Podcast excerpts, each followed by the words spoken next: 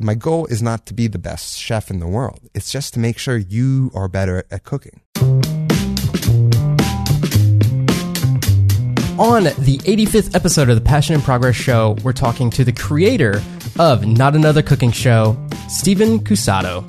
As a YouTube creator, I talked to Stephen about the finances behind being a creator. So I basically banked on my savings, which quickly ran out, and then credit cards. Oh no. Another thing that we talk about is why it's important to have a format to your content creation. To piggyback off of the point uh, of format, is that that is my way to ensure I don't burn out.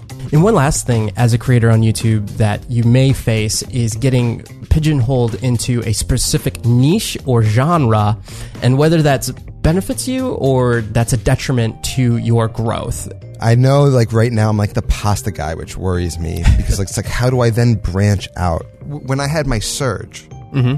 seventy thousand subscribers in two months. Holy I- cow, man, that's amazing. Congrats. Thank you, but I I think I screwed myself. We talk about whether or not it's smart to continue down a certain road, making a specific kind of video that people expect to see on your channel, or do you branch out and create things for yourself? Do you create things for your audience? It's a good question that I think a lot of other YouTube creators uh, have on their minds as well.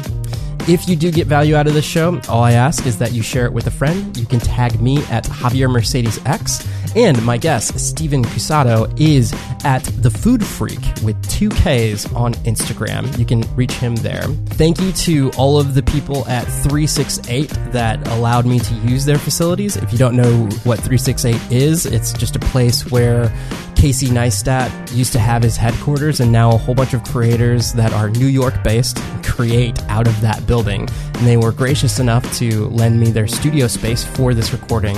And if you're watching this online, man, does it look, it looks really good. Thanks again to 368. And without further ado, let's get into the episode. For creators, and especially people that do cooking videos as well, for you, what's a lot of the questions that you're always answering, or uh, what's been on top of mind recently that you're like, man, people really need to focus on this? With regard to creating, Yeah, yeah. it's so sometimes when I think about that, I've I've heard I've listened to so many people talk about it, and it's like a lot of the cliche stuff you hear is like rings so true. It's like for in my experience, um, like I'm in a I'm two years in, like kind of all in, so I'm in a reflective period. Um, I've sort of come into my own. I've figured out what I'm doing. I would have never done anything I'm doing right now had I been concerned about other people. Um, I was always somebody who was really worried about what other people thought of me, and uh, no one would have uh, sort of thought of me as a personality, somebody who could be on camera. Um, when I told people what I wanted to do, nobody was like, "Yeah, go do that, Steve." you know what I mean? Like it was, people wouldn't understand it, and so at that moment, you know, have, do you play an instrument? Yeah, yeah. I actually went to college for You play piano. guitar at all? Uh, yeah, I do play guitar. so you know when you're playing guitar and there's a period of callus building, Oh yeah, yeah. and like for me, I think that is the period when somebody realizes, oh, in order to learn playing guitar, I have to experience physical pain. Which is true. And then at that point, they're checked out. No thanks. I don't really want to go that way. Or the people who really want to do it will endure, build up the calluses, and then you learn how to play guitar. You get the muscle memory and all that kind of stuff.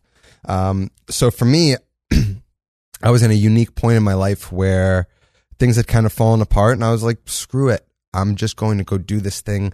I had been thinking about it for 10 years, you know, the, the since the the dawn of all this social media talk and you hear people like Gary Vaynerchuk talking writing books years ago. Like I had been um a student of that. I, It's why I started my food truck.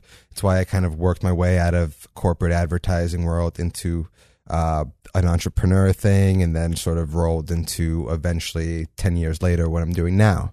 And and now that I'm 33 and I look back on my life and I figure out like how did I get here? I think the main thing was I learned early on that I what I felt more I felt like things were riskier working at this advertising job that I was working at Interesting. because and like this idea that like this job world um for somebody who wasn't like I went to a school that was a business school all of my friends graduated with degrees signing like $70,000 signing bonuses with financial and it's like I was a marketing guy and barely making like 35,000 out of college This, and, in, this and is in New York City. in New York City Oh, that's yeah. rough.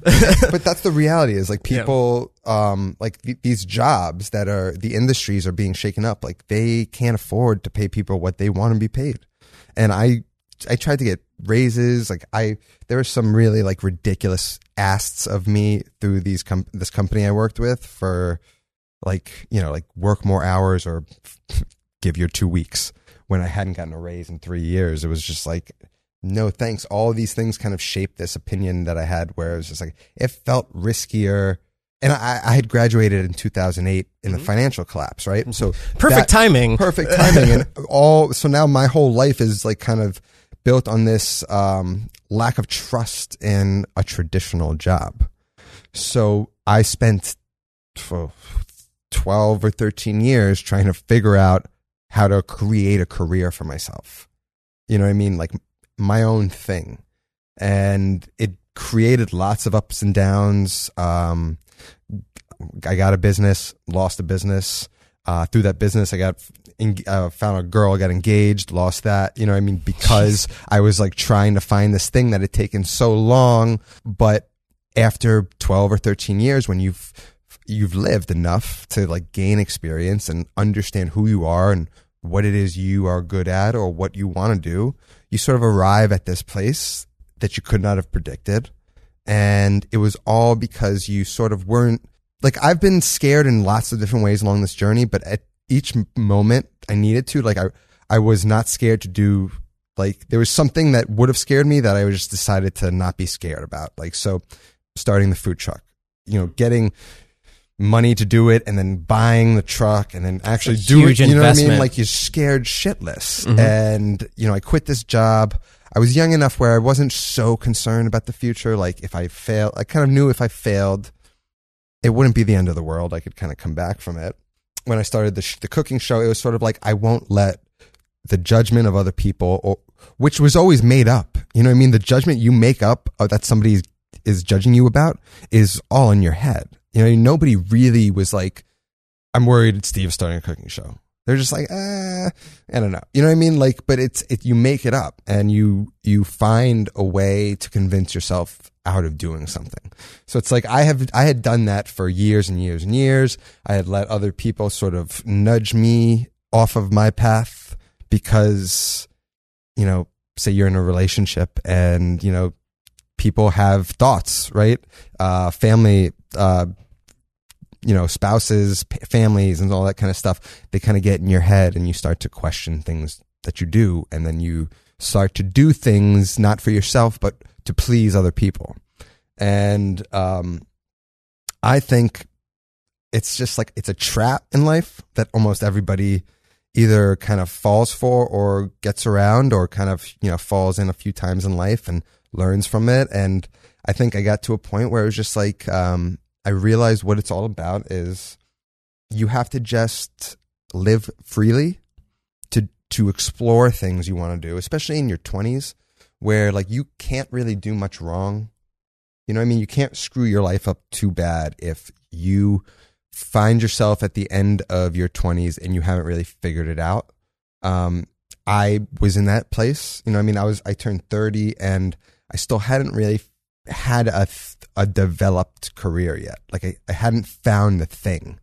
Whereas everyone around me is like getting married and of course I was engaged, but it was like all sort of this crazy sort of um you know, it was building up to something that wasn't going to work because like I wasn't right with myself. Um arguably my ex wasn't all good with herself and we were two like individuals like crave clinging on to each other to like make each other whole where we i at least i know i needed to figure myself out before and like become a real man to to figure out my life. And that sort of was the last two or three years of my life. And this show on youtube um it sort of is this illuminating thing. It helps you it helped me figure out who I was. And so it's just been this 10 year, 12 year journey of discovering who I am, like really just not wavering, right? You know what I mean? Like I lost a lot, I gained a lot, I went through lots of experiences. And I think because of that, I came out the other end. I'm like, okay, this is who I am. I'm confident in it. I'm not worried if anybody doesn't like me for it. You know what I mean? Like I, I'm good with myself. I figured out how to become my own best friend and somebody who like when I'm in trouble, I can rely on this guy inside to kind of help me calm myself down and like figure out a new plan. Um, just knowing that like you're gonna you're gonna figure it out. And so it's been nice to kind of get to a place in life where um, I didn't give up, and I'm at a place I'm happy with, and the future looks really bright. So it's like it's something I tell people you have to you have to be fearless with how you feel about yourself and what you what other people think of you and just kind of breaking down all of those barriers and just kind of become tunnel vision with respect to like what is going to make you whole and what's going to make you satisfied and happy and stop like because when you're there then like everything sort of clicks you get into a relationship like that becomes a lot easier when you're not like faking who you are. You know what i mean? Like yeah, yeah. it becomes a whole nother world and a whole nother approach on life that when you get there it feels like a relief. Because i've been through hell you know what i mean? Like pain, like emotional stuff all that kind of stuff. Not the worst stuff you know what i mean? But relative to me like what i went through felt like hell for a lot of reasons. And i kind of felt like i got, came out the other end way better, way more confident, way more whole, and um, I'm ready for the future. Like I'm ready for whatever may come my way as a result of the work that I'm doing now, and I just feel like a like more of a man, more of an adult, like prepared to to handle this life that we all kind of have to figure out. Yeah, and I think it comes across in your content in watching what you do and just hearing you talk, I can relate to seeing you on screen and deliver the kind of information that you do for people that want to learn how to cook. Yeah. Uh, before we get into like that kind of part of your content creation, one thing I want to touch on though, with where you're at now and where you were before, how was it going into your career at this point in terms of saving for the future? Because I personally am at a point where I am like going full throttle at like doing YouTube stuff. And just like what you were talking about when you have a certain job, at least you can have your 401k, you can have your health benefits and everything. For me, it's like, all right, my wife has the health insurance and all that kind of stuff. That's the biggest, uh, when I look at going full time on YouTube or really, really buckling down on content creation, as opposed to external factors of people talking to you, of like talking you out of doing something, I think the actual factual part of it is like, well, what happens if you like break your leg and you don't have health insurance and that kind of stuff? So for me, like I had to put a hold on what I was saving for like 401k and all that other kind of stuff. But then on the other side, dude, I'm so much happier doing what I'm doing. It's like a give and take. But as this builds, it's like the amount of what could be there in the future or what will be there in the future is so much more than what other path I was doing. Yeah. How do, how do you see that? Well, that's sort of exactly how I, you know, I, I essentially, when I was in the position of starting the show, I was not in a great financial position. I had, mm-hmm. ba- I was basically running a production company and I was doing what I'm doing now essentially, but not for myself, for other, mm-hmm. for clients. And I had a huge client that I was working with, Ronzoni. It's a pasta brand. They had many other pasta brands under their brand, just with different packaging. And I was doing work for all of them and um, it's like eight ten thousand dollars a month. And it was the biggest I, client I love how it's a pasta had. company and you, your videos, you're like you're the yeah. pasta guy. yeah. well, that's why I was annoyed because I lost them not because of my work, but because like they didn't know what they were doing marketing wise. I lost that client, and at the same time, I sort of had lost an engage. I had, my engagement failed, so my strategy was I, I had arrived home. I moved out. I was living in a place um, with her and uh, so I moved back home. And I'm thinking to myself, what am I going to do? Um, clearly, the, the I realized the flaw in my business was that I can't do give people content and expect them to know what to do with it. I need the 360. That's a great piece of advice. I need the three. The I was a marketing guy and I was fighting against this. I was basically running an ad agency Mm-hmm. and then saying I don't have distribution or media buying capabilities, so you take it. Yeah. So I was like, I need to flip the flip the script and the leverage. I need to be the three, the turnkey solution. Create the content, have the audience, all that kind of stuff. So I knew that my business plan had failed and um, I needed something new.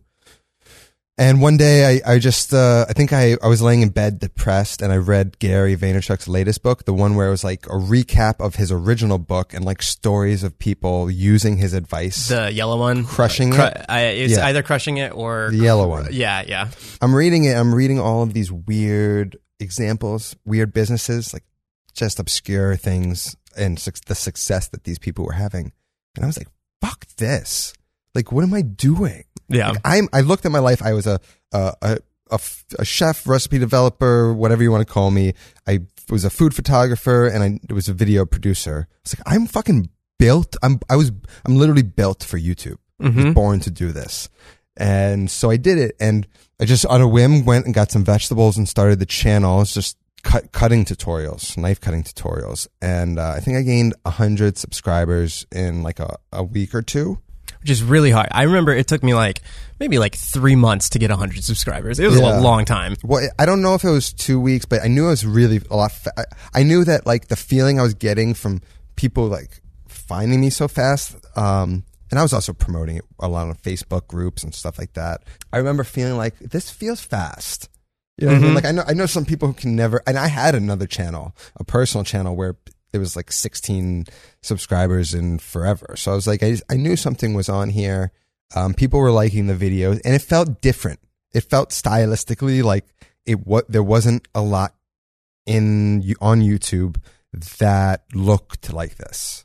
Not another cooking show. And show. there wasn't a lot of men who looked like me who were doing cooking shows hmm um, and who had the same demeanor as me. Somebody who's not over the top. Somebody who's not like a a female who doesn't have real experience. You know what I mean? I found myself st- straight in the middle of a world that was crowded with polarizing sort of uh, personalities, right? So you had on one hand men who were sort of over the top and made obst- just monstrosities of food, and then you had like the other end, which is like female bakers, mommy at mom at home bloggers, like nobody who is like a chef turned blog. You know what I mean? Like I had my foot in both worlds, a chef's world and a home cook's world. So I was like, I can be this like translator for recipes and tr- and methods and traditions and use cameras to communicate and show these things in a better way because I have these tools that chefs don't have usually and videographers don't have who are in the food space, right? I had the whole package in one person. I could do it all myself. So I was like, I can make this work. I just need to to float myself long enough to to see some sort of return. So I basically banked on my savings, which quickly ran out, and then um, credit cards. Oh no! Well, I mean, Here's the thing. you got to you got to do what you got. Like, First off, continue the story. I yeah. do not recommend this to anybody. Okay. I mean, that's why I, I- and- I, I like to talk about this kind of stuff because it's like the real nitty gritty of what it means to really go after what you're passionate about. Um, I I've been an adult out of college for 13 years. I generally had had one credit card. Mm-hmm. I was not somebody who loved credit card debt. I have a great credit credit score. Never miss late payments. Like I am a stickler for that, and I never wanted to gain a lot of debt. I wanted my debt to credit ratio to always be solid.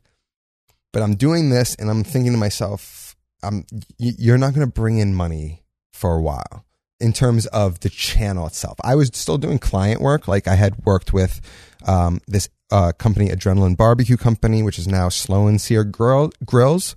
And they gave me a shot early on where he was just like, I need you to make, he was basically like used YouTube talent to market his product. Mm-hmm. So he hired me on and, um, we've had a great relationship and I, you know, do him favors. He does me favors and, um, he helped kind of keep me afloat. Like I could do like two, two, three videos a month for him. That kept me afloat with whatever else I, I had going on. And then, you know, the channel started to, to grow.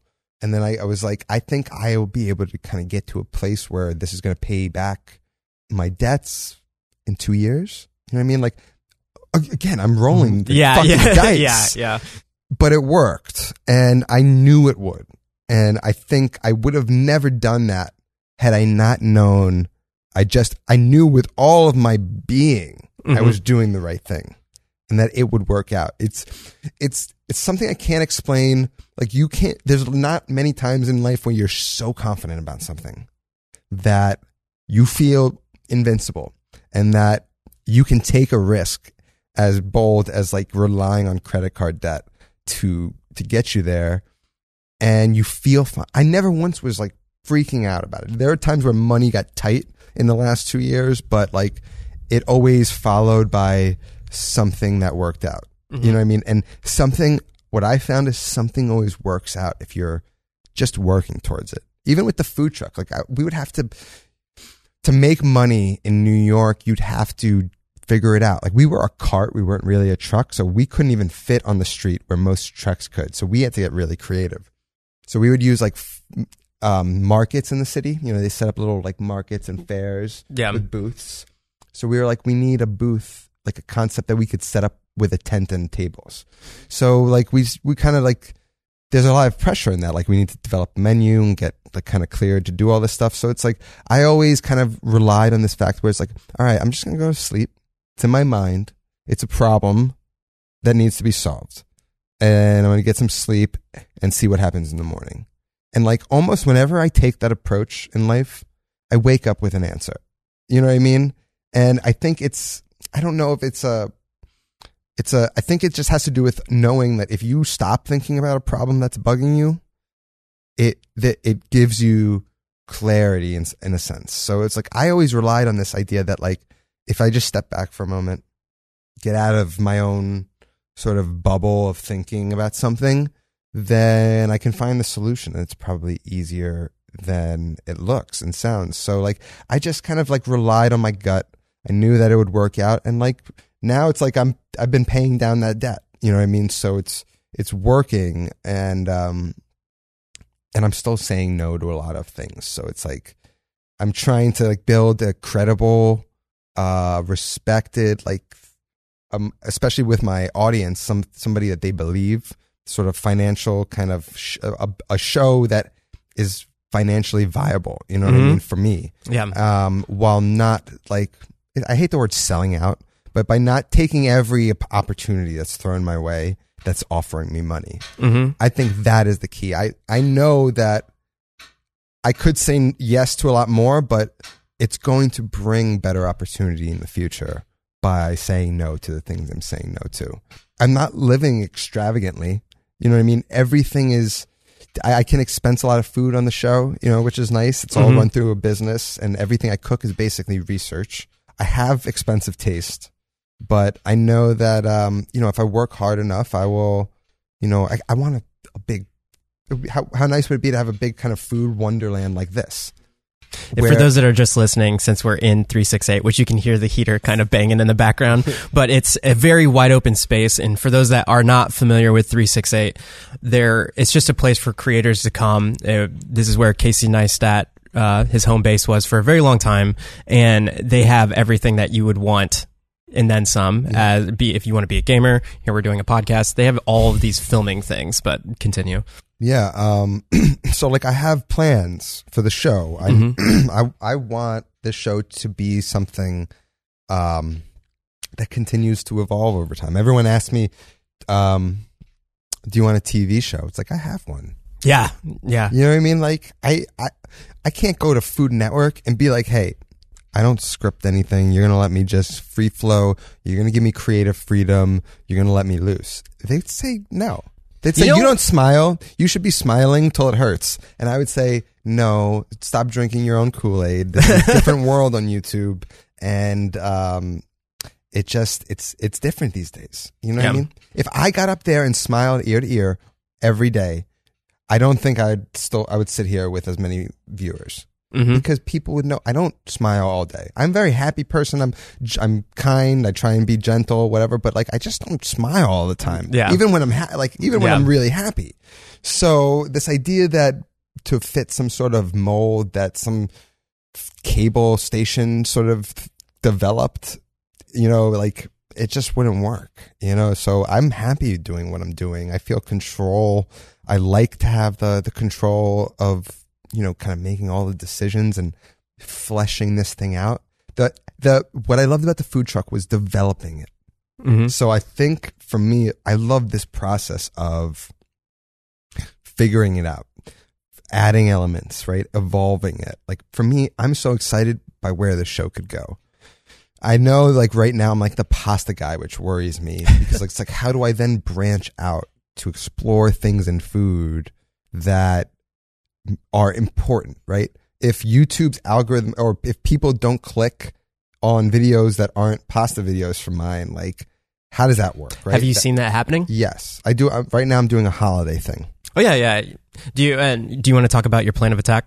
Sure. I mean, um, I have this holiday plan of attack that's up on my website, and what it is is it's a, this is a learning experience too, right? I'm, I have a I want to sell this digital prod, product. I have a lot of experience hosting on the holidays, and um, I have all these recipes. And I thought, what a wouldn't it be nice to sort of give back to people who help me throughout the year by charging for like this little product at the end of the year?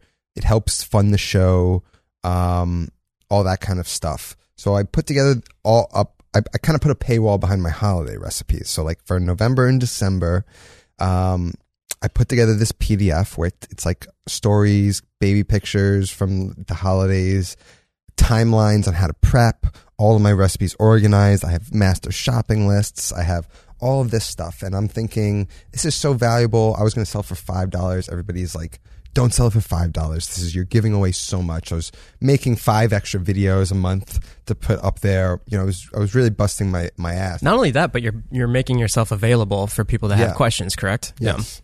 I, I sold it and it went well, but it was so, it was, um, it was very much underwhelming based off of my size because the initial video to launch it got 6,000 views, whereas pasta videos of mine get anywhere from like 70,000 to What- 100. Yeah. know What'd what you I mean? learn from that then? I learned that like for some people, some people might be able to just upload anything Mhm. and it get views.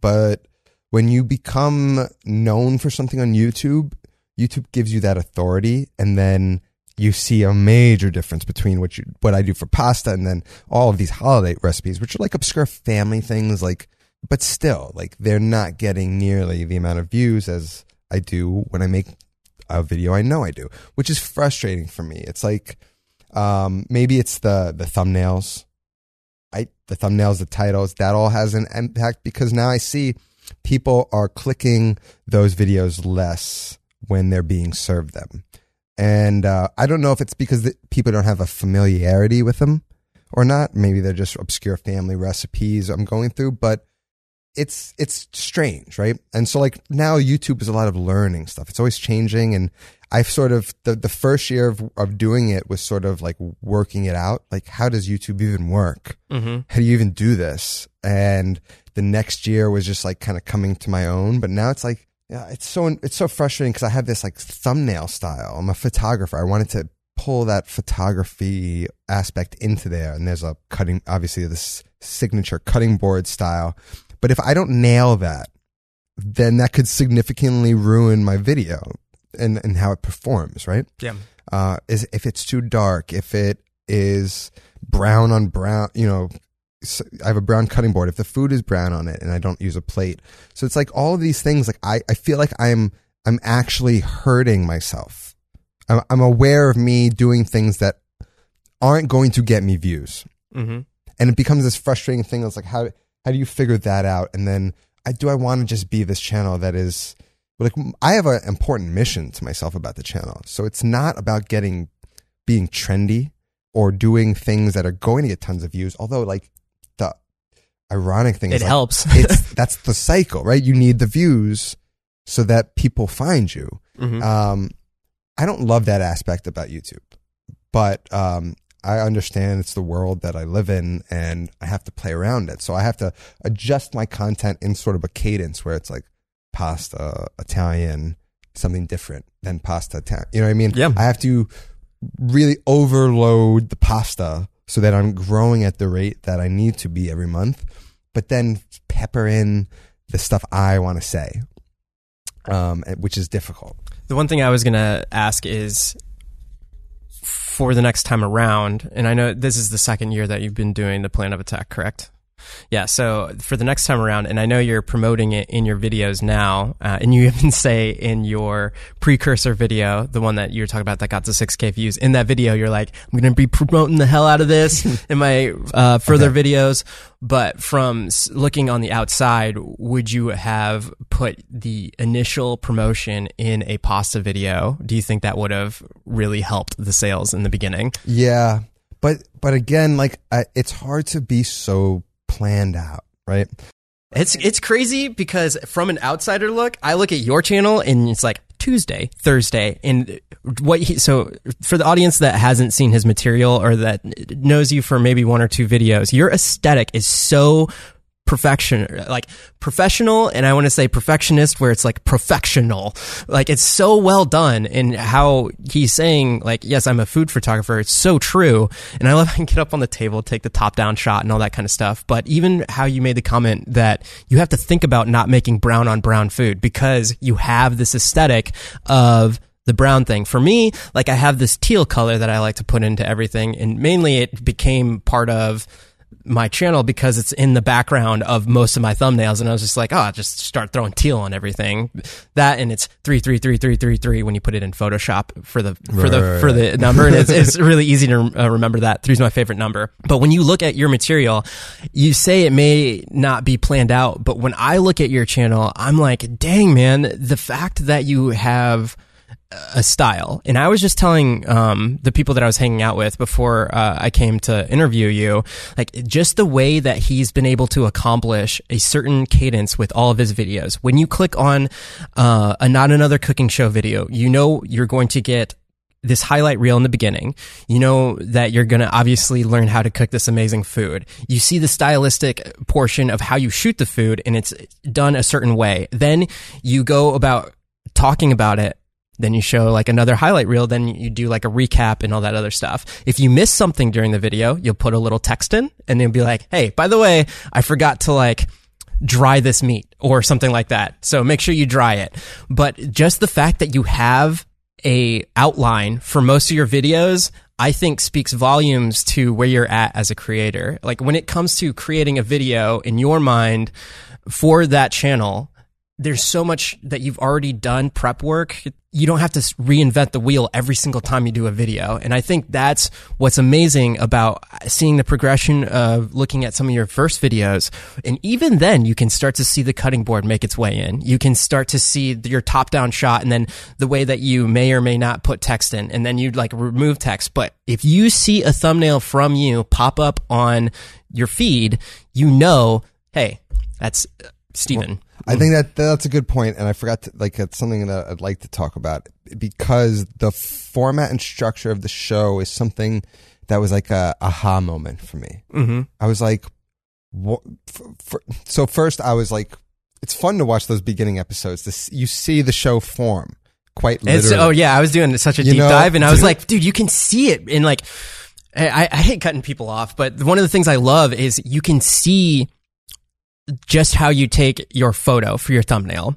The way that you edit it into the video in the beginning is you might take five seconds to showcase you taking the cutting board, pushing it forward, then you getting up on the table, taking the snapshot, getting down from the table, moving the thing back. Now, if you look at one of your videos, it's just like a, it's a, like really, really I snap. realized Like, what I needed to show and what I didn't to Yeah. say the same things. Yeah, exactly. Yeah. Exactly. And seeing it now, it's not even what I just discussed. And I, what's interesting is I didn't even know that's what you were doing when I was watching your most recent videos is that you were pushing it forward, getting up, taking the photo. All I saw was like the flash, but I was like, oh, he's getting the thumbnail. And then to see the beginning vid- videos was like, oh, that's the process behind it. But it's really cool to see like, oh, I wonder if he saw his audience audience retention during those certain moments. This probably isn't important as like, look, I just want to show the little flash on camera. I love how you leave the sound effect in there too, mm. because it's like so cool.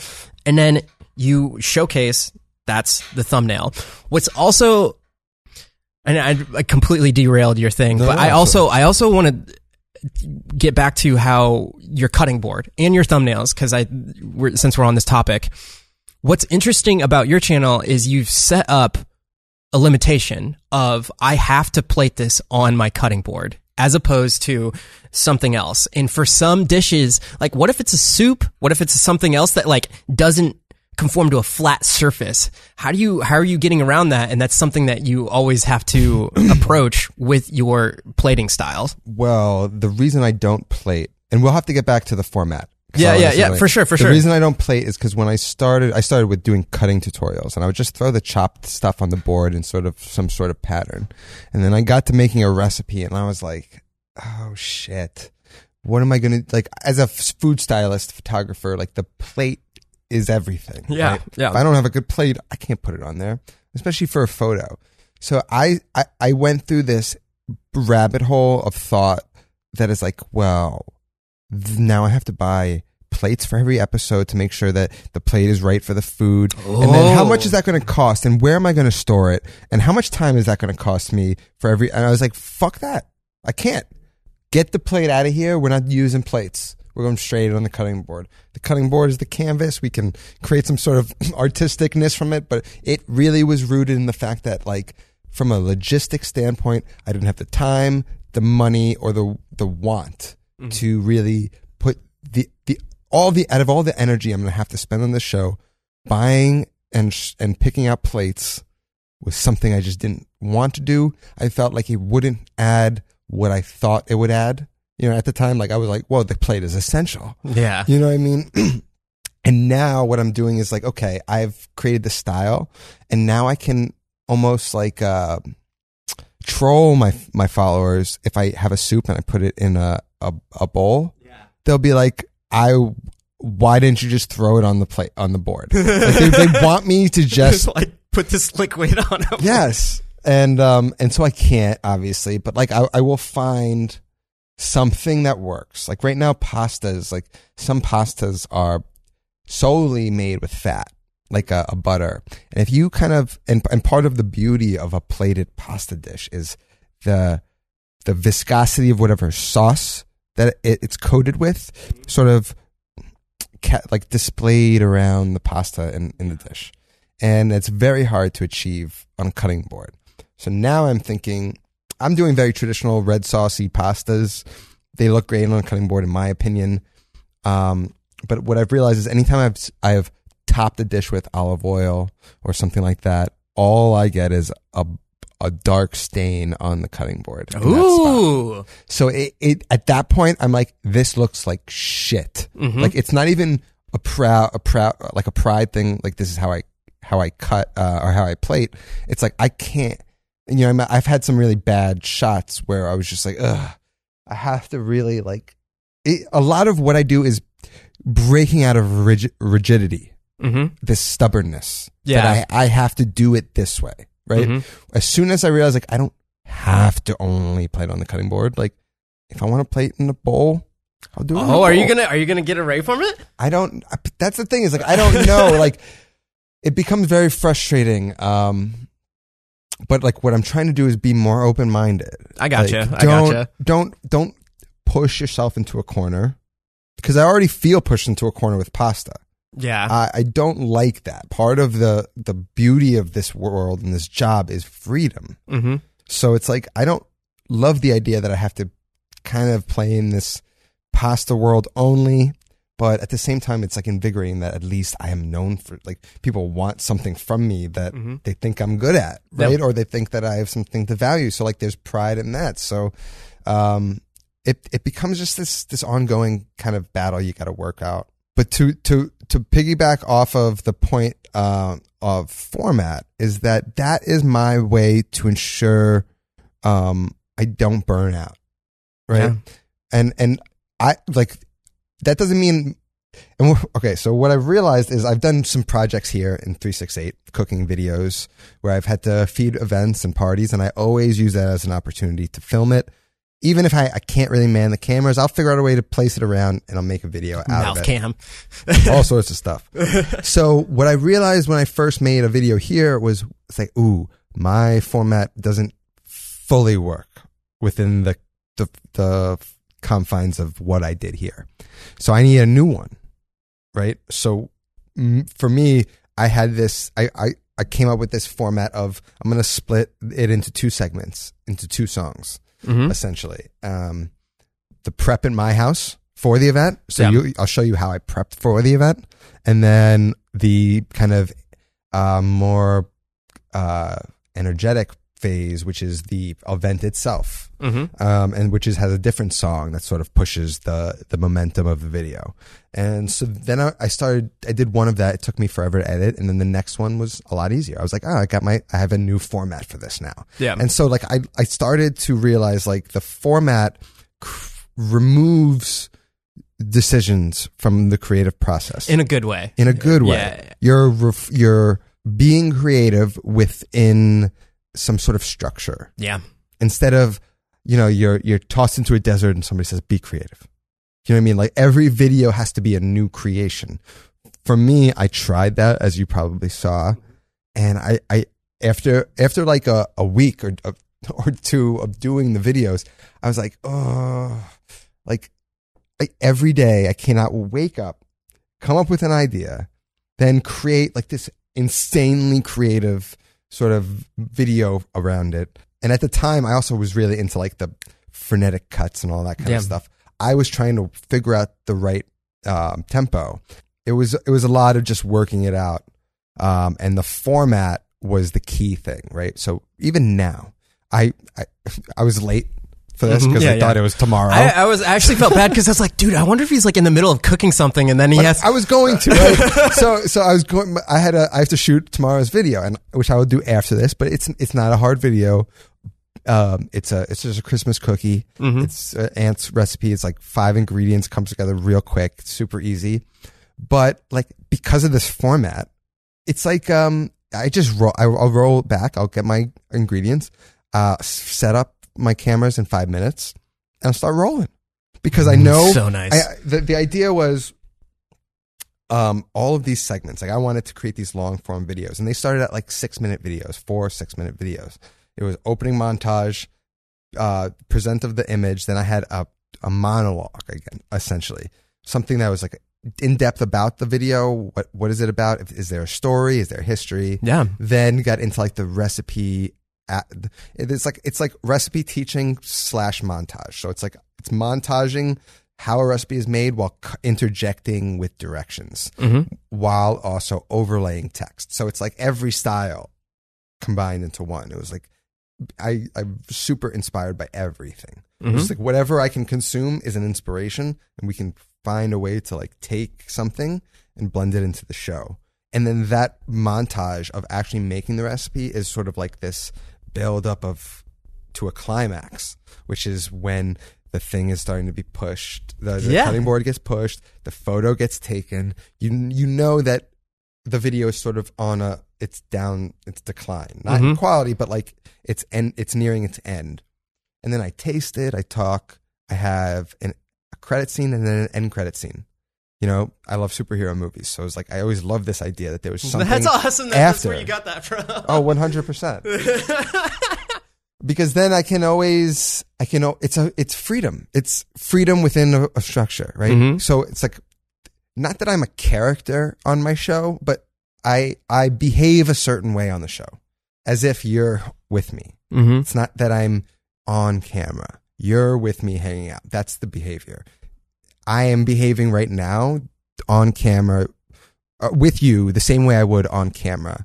um where it's like a little bit serious hmm but like there's a a little bit of like a, a you could see the passion underneath it yeah, you know what i mean yeah. like um and then afterwards i may get silly like ugh like i'm sweating usually at that point in the end credit scene Yeah, or like yeah. my, everything's messed up and um i'm usually more relaxed and i'll share something and it's more heart. It's more warm, I guess you could say. I had to give a, a my first panel talk, or whatever, and that's where I arrived on this idea that I had created a structure, and that that structure kept me in line, and it kept me going, and it never because of that structure, I never woke up one day and was like, oh, I can't make videos today. I just don't, I don't feel it. I don't know what to do. You know what I mean? Mhm. Like the, that idea that I don't know what to do doesn't exist in my world. Yeah. And you know what I mean? Like I have ideas for videos till I be, I'm like 70. You know what I Mhm. mean? Like, so it's, it's very exciting. It, it feels like a TV, a Food Network TV show had a format even before I even realized it. And all of everything has this format on TV. I, my, my deal, my thing was always to approach this YouTube as if uh, somebody hired me at like Netflix or on some channel or whatever to produce a TV show. Mm-hmm. And I was like, how would I approach it the same way? But make it a food show that is uniquely YouTube. Mm-hmm. I work very hard not to seem like I'm above anybody. Mm-hmm. Because in the food world, there's it. There's this perception of elites and blah blah blah. And for me, that is so such nonsense. This elitism that that these restaurants are, are that people think these restaurants kind of give. It's like they're cooking fresh ingredients and they're doing minimal stuff to it, which is sort of the same kind of mentality I have. And it's like when I teach a pasta dish that takes three ingredients and one of them is water, no one on earth can say that that is elitist. You know what I mean? All Italian dishes that even some restaurant might charge forty dollars for were developed strictly out of poverty or like just like they didn't have anything. This is all they had. And through through teaching people these methods, as opposed to like what an Amer like some Americans would be like, this is my recipe for it, right? And I have recipes from stuff, but like what I'm more interested in now is like I'm not even interested in my recipes. I'm interested in learning, relearning the proper technique, and then flipping that into my my lens, right? So I can be a better chef if I just like get out of my own ego and stop thinking that my random recipe that I came out that I created without any base of proper technique is somehow better than some traditional method where people studied and real chefs kind of added their touch. You know what I mean? Like become more like that. You, it'll help you teach better. You know what I mean? Like, cause for me, like I said, I- I'm a, a, a translator, a teacher. Like my goal is not to be the best chef in the world. It's just to make sure you are better at cooking. And by, by having that mindset and that goal of like every day, make sure more people are cooking than yesterday. And with confidence, it's like you can never like, I, for me, I'll never wake up one day and be like, what the fuck am I doing with my life? you know what I mean? Like it's so simple. It's so vague. It's so easy to understand that like I'm, I'm directed every day Mm-hmm. just in, in such a very straight line. And for me, I think if to get back to your first question, like that's something that creators could could learn is like um I mean we, we've been just going tangent tangent but uh Yeah, for sure. Well, I think everything that you have talked about is eh, some way can somebody can take from that whatever they're creating for sure. And I think there's so much to there's so much analogous to creating a dish when you're creating a video or any other type of thing, and especially when it comes to format. And just to touch on that a little bit. And getting back to the very beginning, talking about when I started doing YouTube, I started doing cooking videos. And from my perspective, I knew nothing about um, recipes or anything like that but I did know how to do video editing because that's my profession. And I was like, what's the thing that I can bring to this table in terms of YouTube ness? And for me, it was like, okay, well, I could like start cooking every single dish from Gordon Ramsay's cookbook. So that's what I did. Lo and behold, what ended up happening was I just got really a lot better at cooking food. The thing that I want to ask you about though, and this goes with the format piece, is cooking videos take a lot, man. They take so much when because not only are you cooking the food, but you also the amount of prep is not just the food prep, but you have to have the cameras ready. How often is it that you do a video and then you have to scrap the whole thing because something happened? You didn't have a card in the camera or anything like that. Like when I was doing my videos, what ended up happening was I would like cook something and then, oh, I didn't have like an angle on whatever the main thing was. Like, oh, you had to boil the thing, but I didn't have any footage of me boiling the thing or whatever it was. And from my perspective, since I didn't really know that much about cooking, it was more about the experience that I was having while cooking the piece and then trying to just cut that into like a two minute like montage type of piece. But I'm really curious from your beginning to now, how much has how far have you grown? Because I know we've already touched on it format wise, but I know it just takes a lot because uh, you have like a side angle, you have your front angle, you have your mouth cam and all that kind of stuff. And I know like the mouth cam really helps for a lot of those top down shots, especially when you want to get that.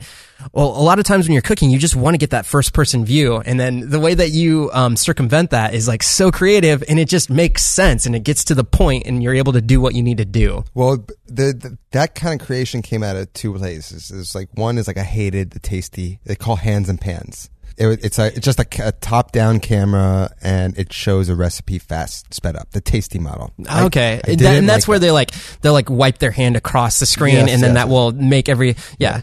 That I think just really like th- there's this whole idea that like oh a, a recipe can be taught and learned and consumed within 30 seconds. Mm-hmm. It is a travesty in my opinion. A Travis shammockery. Oh my god. a travesty, a sham, and a mockery.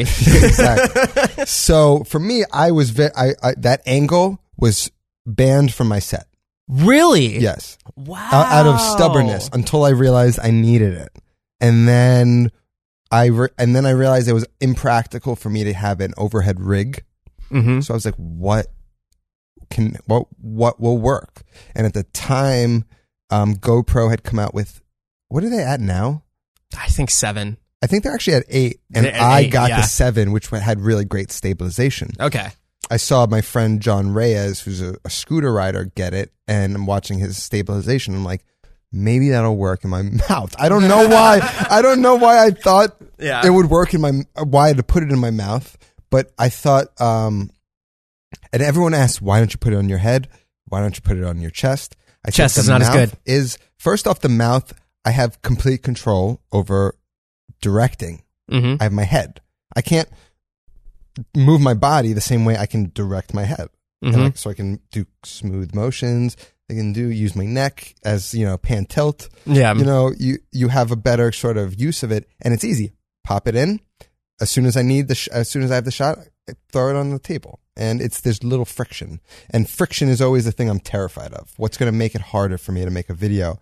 So it's like, yes, is it a GoPro footage? Is it always color graded perfectly? No, I don't color grade. You know what I mean? I'm using three different co- brands of cameras in my videos, and they all have different color temperatures. How long does it take you to put together the footage after you're done? Not not exactly create the piece, but to sync all of your audio and everything. I don't sync. Okay. So That's that's what I mean though. Like how long does it take So for you to even have this a is my workflow. Yeah, is like ahead. I take all the camera footage, um, organize it in folders, then load it into my um, not my timeline yet, but into the I don't even know Like a bin proper or- yeah, the, the yeah, bins or whatever. Um, and then I will take all of my slow mo cam, my sixty frames per second footage, import that into the timeline first. Throw it all in slow motion. Then add my Sony camera footage, which is like the main audio kind of me talking footage. Throw that after. And then any GoPro footage or iPhone footage I use, which I do use my iPhone sometimes now, goes at the end, and I use that to kind of. Do you just sprinkle in. it? You sprinkle. And then okay. I use, I, and then I cut down my montage. Uh, and I, I'm always filming. You said you wanted to ask me what happens when I yeah. um, miss a shot. I don't usually. I've never had to scrap a video because there's always at least one camera on, Jeez. and um, and they're oh, I never shut them off really, so they're always capturing. And there's something that might happen. I want, like, you know what I mean? It's so easy to to cut where this whole like 30 minute footage of nothing happening. That's easy to get rid of. Yeah. It's hard to create out of nowhere. It's Yeah. impossible, right? So I choose to record everything, and then I, everything's chronological in the timeline. So uh, all, what what a lot of editing has to do is, um, just getting yourself in the mood to sit there and just diligently. It's there's not a lot of thinking to Mhm. be honest. I've created a world where I don't have to be a creative genius every day. Mm-hmm. You know what I mean? But I can still be impressive in the work that I can achieve because of just this little the style that I've created. Yep. And a lot of the time is spent just removing. Oh yeah. It's it's all removing, right? And um and that's what I would hope to get help with one day. Mhm. If I can get to a point where like I can edit for like an hour and complete the video, which is what happens after you know, I have like different edits, like an initial edit, a, a pre-edit where it's just like visible nonsense I get rid of. Then, uh, you know what I mean? It's like slowly working your way down to 20 minutes of footage that you could then edit to a final 10 or an eight. You know what I mean? If I can get that, then I can shoot like one or two videos a day and I can get into a, I can get ahead. Right now, it's like if I should, what, what should have happened is I was going to shoot today, but realized I had this Yeah. and I should have uploaded another video I had ready in the pipeline. But I don't have, I can't, my efficiency is not up to that par yet on that level. So it's like I have to kind of wing it. So I'll Oh, go yeah. home and I'll, and I'll, I'll shoot it and I may get the, the photo, the, t- cause I do like a two day rollout of my videos. Yeah. So I may get my like teaser photo out a little late, but it's like I stopped putting pressure on myself to do that. Like when I first started, I would be like Tuesday at six o'clock, Thursday at six o'clock. If you don't post and upload by then, you've failed. You I know, know, the feeling all too well. I'm sure there's other people listening that know Yeah. that all too well as well. so I really stopped caring because I think one person said like YouTube, if you like YouTube benefits you if you consistently upload exactly at the right time. So like I didn't know how serious that, that was. Like, is it within the realm of time you upload? Yeah, yeah. Exactly. You know what I mean? I'm thinking if I do that, YouTube is going to give me some sort of, you know, reward and Yeah. but it's all bullshit. You know what I mean? Like you just got to create good content. Just be, isolate yourself and, and create and see what you can come up with. And I guarantee you, if you, if you have the right mindset, you're going to come up with something good. Yeah. know? The s- sticking with um, your edits and everything. One of the specific questions that I had, uh, and you brought it up earlier, was like you, for the three six eight thing, you had two act of music. What I will say is the music on your channel is freaking phenomenal, man. It's so awesome.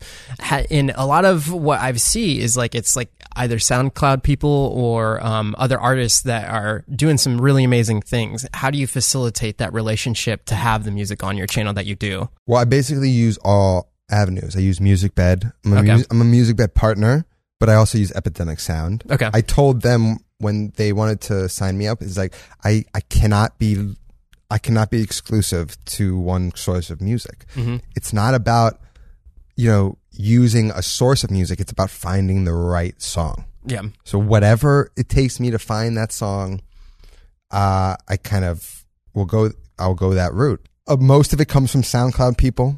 I wish the days where like you could use these sampled artists more. I mean, I'm I the music I love is like 40s and 50s music, which a lot of these artists sample with hip hop beats. hmm So it gives you that modern feel that young kids like, but then these older generation of people who watch my show, they're like, I know that song. It's Yeah. a heart song, or it's Mhm. like, you know what I mean? Like, so it was a lot about that. And now I'm at a point where, the, and the music was a lot of a, a, an attention grabbing thing. Yeah. In the beginning, it was very, um, I used an artist who kind of isn't really around anymore, who was very in your face kind of crazy songs that were energetic. So I was relying on my lack of energy.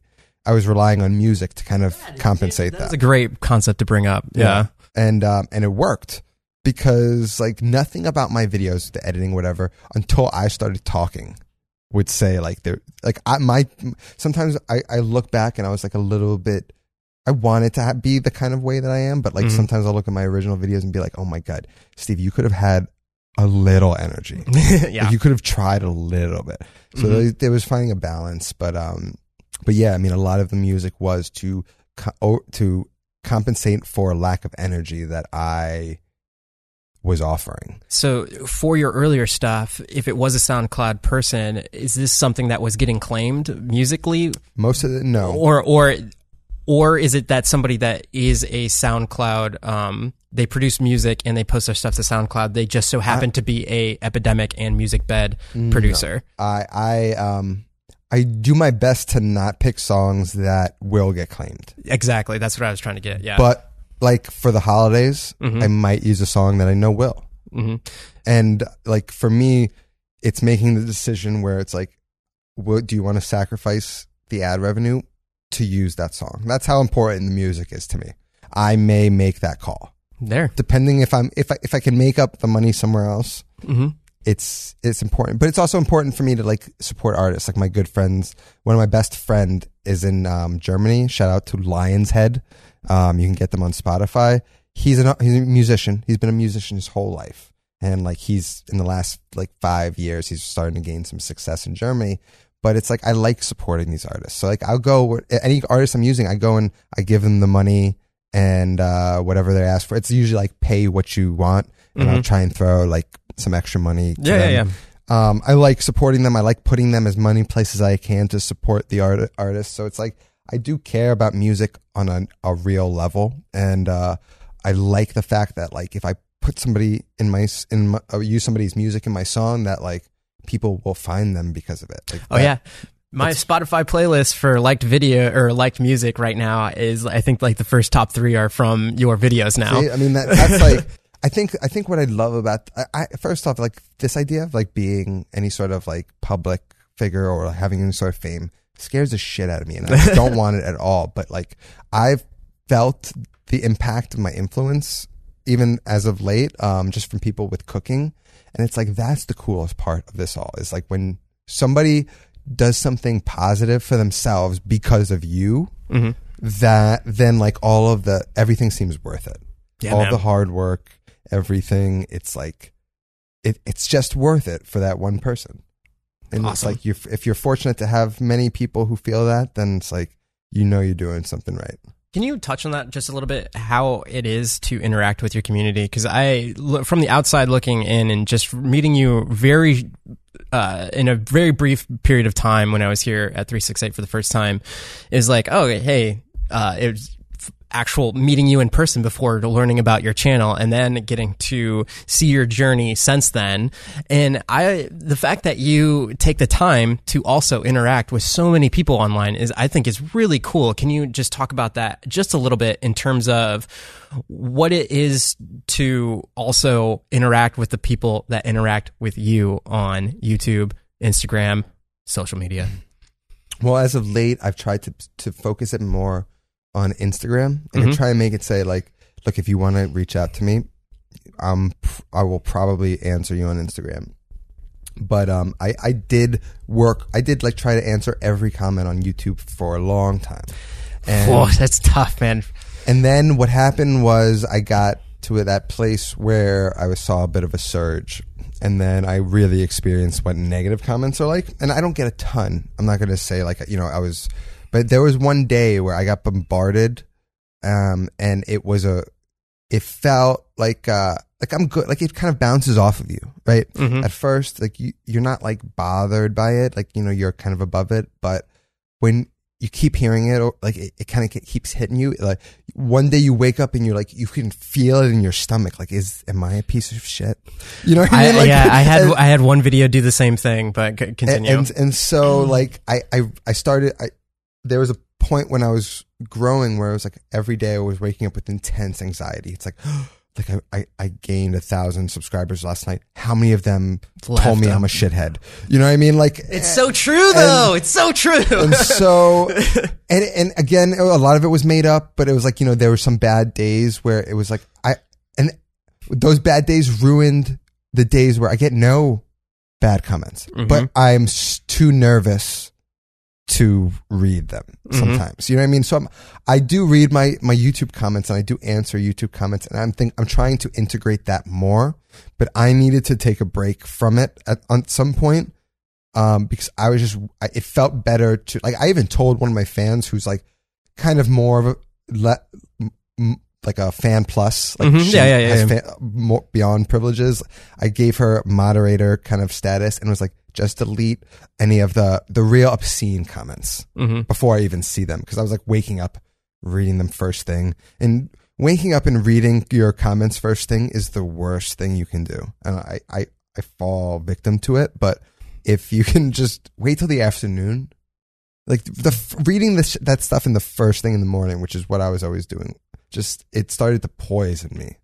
You're in a reaction state as opposed to uh, like the pursuing first what you, what you want to do. I can barely keep my eyes open and I'm uh, you're an asshole. It's like you cannot start your day like that. You know Mm-hmm. what I mean? Even if you know it's not true, even if you're better than that, even if you're stronger than just letting that get to you, it it does it.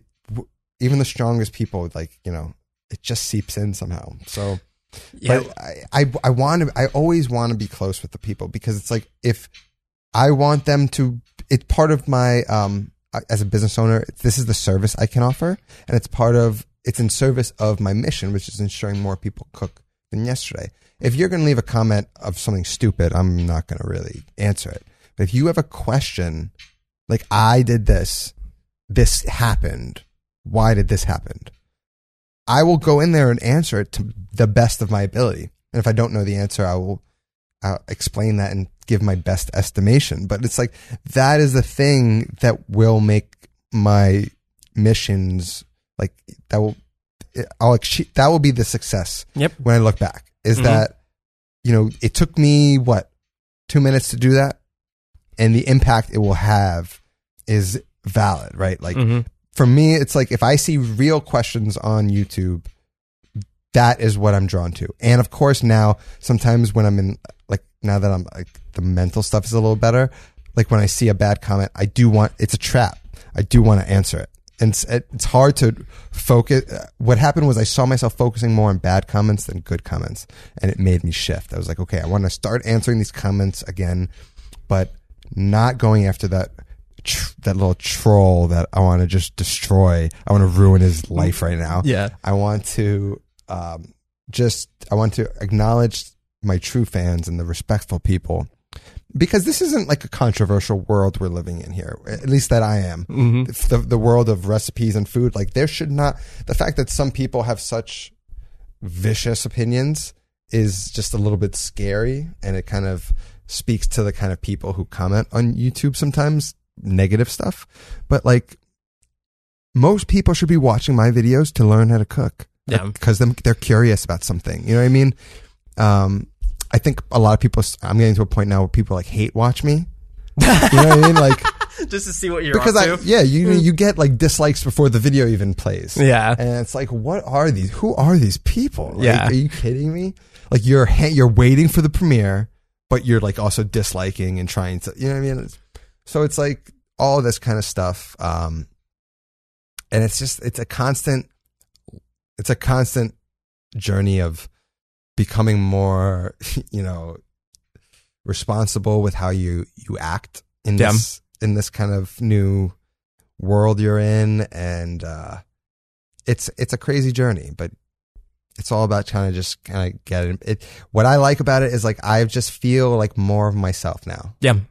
since starting my youtube channel it's like who i am is now what who i truly am is now what other people truly see hmm and i think that is the thing i'm most proud about Authenticity. yeah Yeah. mm, What he's referring to at the beginning of your statement was when a video picks up on your channel, and I wish it upon everyone if they are pursuing YouTube, is it'll get suggested, it will start appearing in browsing, and then it will be like right when people open up the homepage. And when that starts happening, is it gets released to a complete demographic that may or may not be into whatever content that you produce. And when that happens, it opens up this floodgates of just anybody in the world to watch the video. And they may or may not know about who you are or what you're doing. And like he said, you you wake up and you'll have like, oh, dude, a thousand subscribers. But I just like what you're saying. If I see something like that happen, I'm like, I'm gonna have like 20 comments that I just. I want to, I want to reply to everyone because here's all these new people. But I know once I open that up and I start scrolling, there's going to be some people that it's like, he doesn't know what he's talking about and all this other stuff. And I'm like, sometimes you reply to them, then you delete the comment, then you reply back, and then you're like, that was a little too harsh. Maybe it wasn't harsh. Maybe I didn't know what I was talking. No, I know what I'm talking about. Like all this stuff goes through your head with the comments and all that other kind of stuff. It definitely like it can wear on you, but then you kind of reassure yourself that you do know what you're talking about. Yeah. Where can people find you? youtube um youtube at you can just search for not another cooking show hopefully by now Yeah. you know, popping up Um, Instagram, it's the food freak with two Ks. What was the decision behind that? Because you do have a not another, co- and I noticed that you posted that people in uh, were tagging you in your not another cooking show IG. Well, uh, so the food freak, which is originally it was just the food freak with one K when I had my food truck. The food truck was called so- Food Freak. Okay, okay. And um, I had a blog that was called The Food Freak. So it already had This an initial audience before. This okay, was like okay. my big branding sort of thing back Yeah. in the day. And then I, I sort of used um, when that business closed. I sort of used the Food Freak and had like you know. 400 something followers on there and um, when i started the show I, I created the two accounts or with the not another cooking show account and i didn't really know how i was gonna what i was gonna do like is it make make a new one use Your old one, yeah. And uh, I started to just use the one I have, and that one started growing. And so, and go. then I was posting on both of them, and it seems stupid. Like some people are gonna, pe- people are gonna see me from two accounts post the same thing. I have the same. I have the same. I have a passion and progress one, and then I have my own. And the thing is, is like, Is well, cannib- was one cannibalizing the yeah. other? Are, are people following me for just the podcast? Which I know, like, look, if you're gonna follow me for just the podcast, I completely understand that you would not be into like a Premiere Pro tutorial. So why would you want to like see that kind of stuff? But it's like the personal one grows a certain way. But I have been seeing if I just stick to just podcast stuff and I post it on both, it's like okay for right now. I don't know. I don't try and overwork myself on the podcast one. Yeah. Well, podcasts are another interesting thing. Like, I don't even know what you do after this. And, like, I'm curious. This will never see the light of day. I'm curious to do it too because like there's so much in the, the, the food world. I feel like um, like I could probably sit here and talk about food with you outside Mm-hmm. of video creating for three hours. Oh yeah, for sure. And um, and what's funny is like the more I do these podcasts, the more I realize like I have a lot to say. Like it's almost to the point where it's like I can't even organize it in my head. Like I lose track of what I'm saying all the time because it's just like based off of food and video production and YouTube. There's just like there's too much information and so much shit going on all the time that like there's always like a three hour conversation to be had. What I would do if I were in your, if you really wanted to pursue it, I wouldn't, and especially because you know the whole elimination of friction. If you wanted to pursue the podcast thing, I would say only do audio. And then if you kept it to recording the audio, like if it were 10 minute snippets of, um, uh, information on cooking or whatever you want it to be.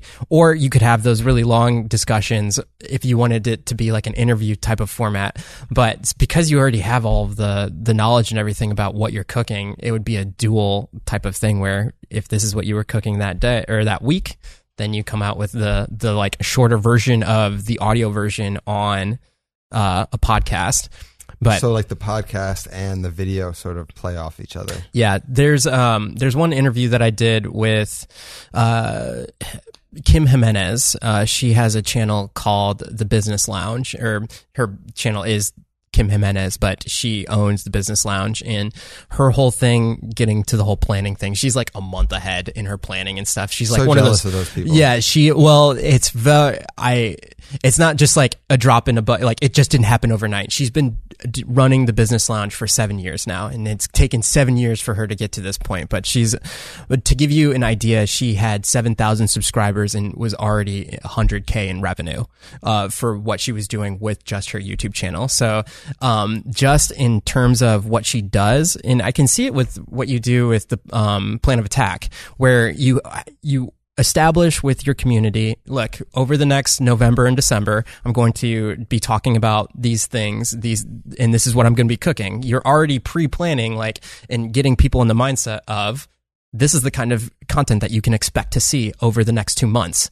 Then after that, it's like, okay, what, what, what comes from there? But just in seeing that from an outsider's perspective is like, you, you were talking about how like, oh, I don't know, like, like it's every other video is like, I, what's it going to be? But from me looking in, I'm like, man, this guy's so on top of his stuff. He knows what he's doing. What's funny is like I, I just did a turkey carbonara video, and that wasn't planned at the beginning of the month, and I had my holidays planned like three months in advance. yeah. Um, that was me being like, shit, man. Like, I need some, I need a little life in the channel. Like, Yeah, yeah, yeah. It's like you, you get scared, like if you're not hitting the views that you are accustomed to, that you're, you're growing. But it's like for me, it, it's it's testing the waters where it's like, no, my You- channel's what you not- have to do. My channel's not not growing. Mm-hmm. It's just that I didn't post what my channel loves the most in a month, Mm-hmm. right? And that's not anyone's fault. Like maybe people just love my pasta more than, um, you know, whatever. And there's nothing inherently wrong with that.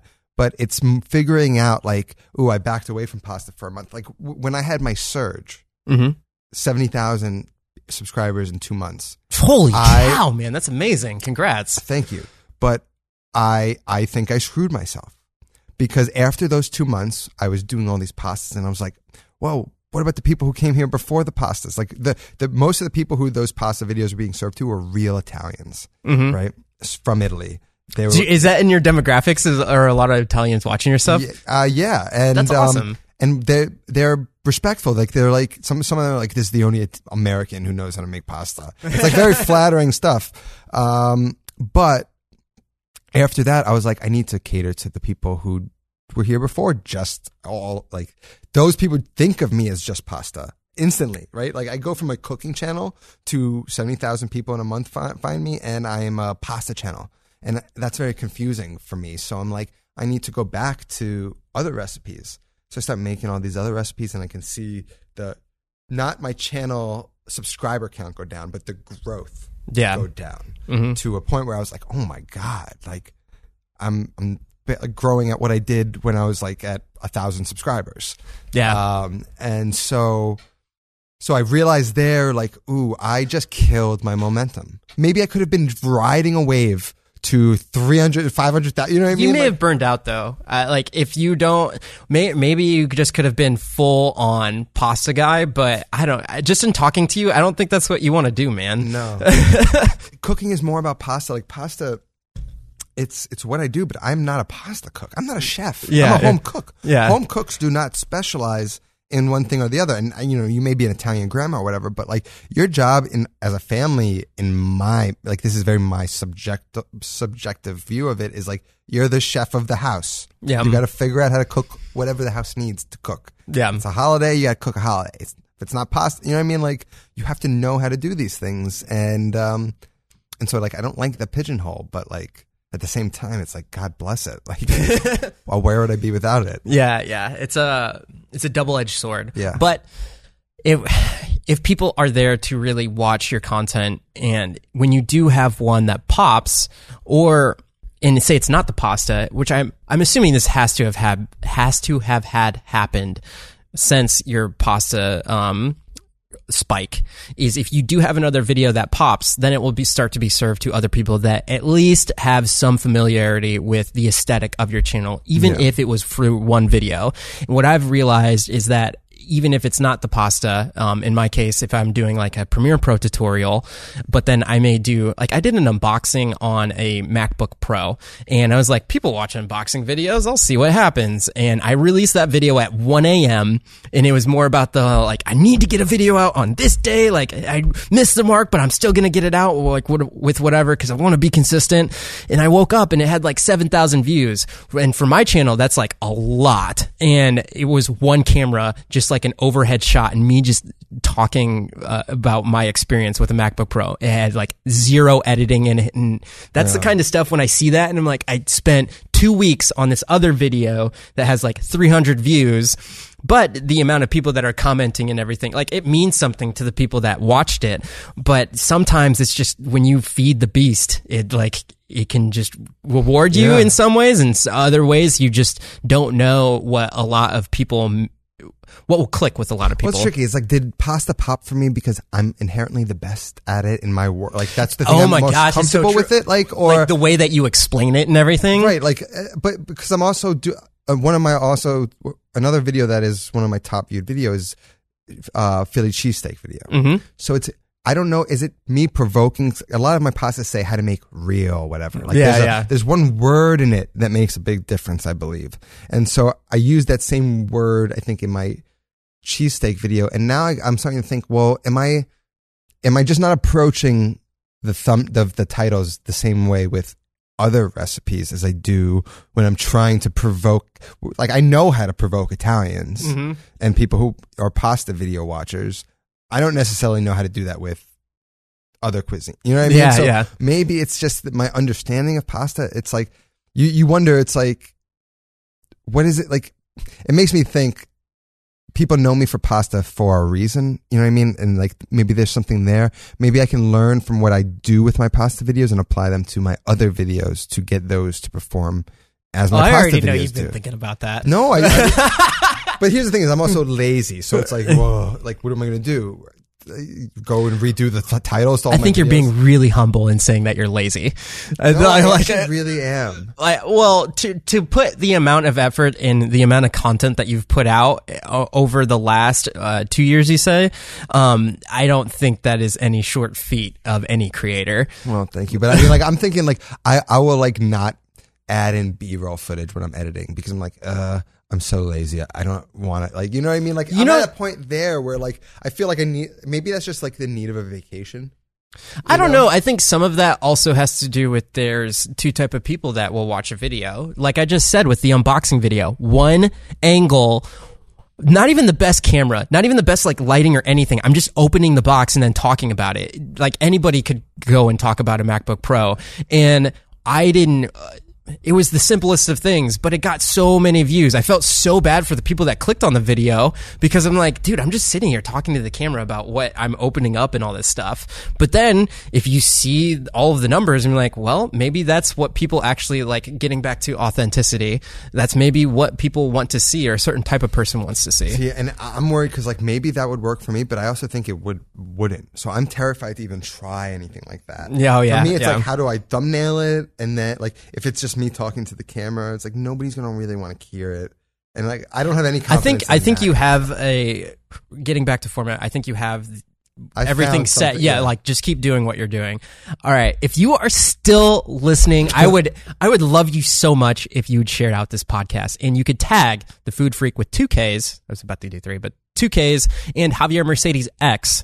And if you were super special, what you could do is you could write down the URL that you found the podcast on and then send that to somebody via snail mail. I want to keep saying that at the end of each one of my podcasts until somebody actually does it. And then you could tag Snail mail is cool. Yeah, yeah. If, just, I think it would be cool. And if you could tag me on Instagram at Javier Mercedes X saying that, hey man, I sent it to somebody just to uh, check out the uh, podcast, you'd be the first one to, and the best person, and the number one awesomest person ever in life, besides my family and Stephen. All right, guys. Thank you so much, man. This was great talking to you. Until next episode, I hope you're out there living a life of abundance.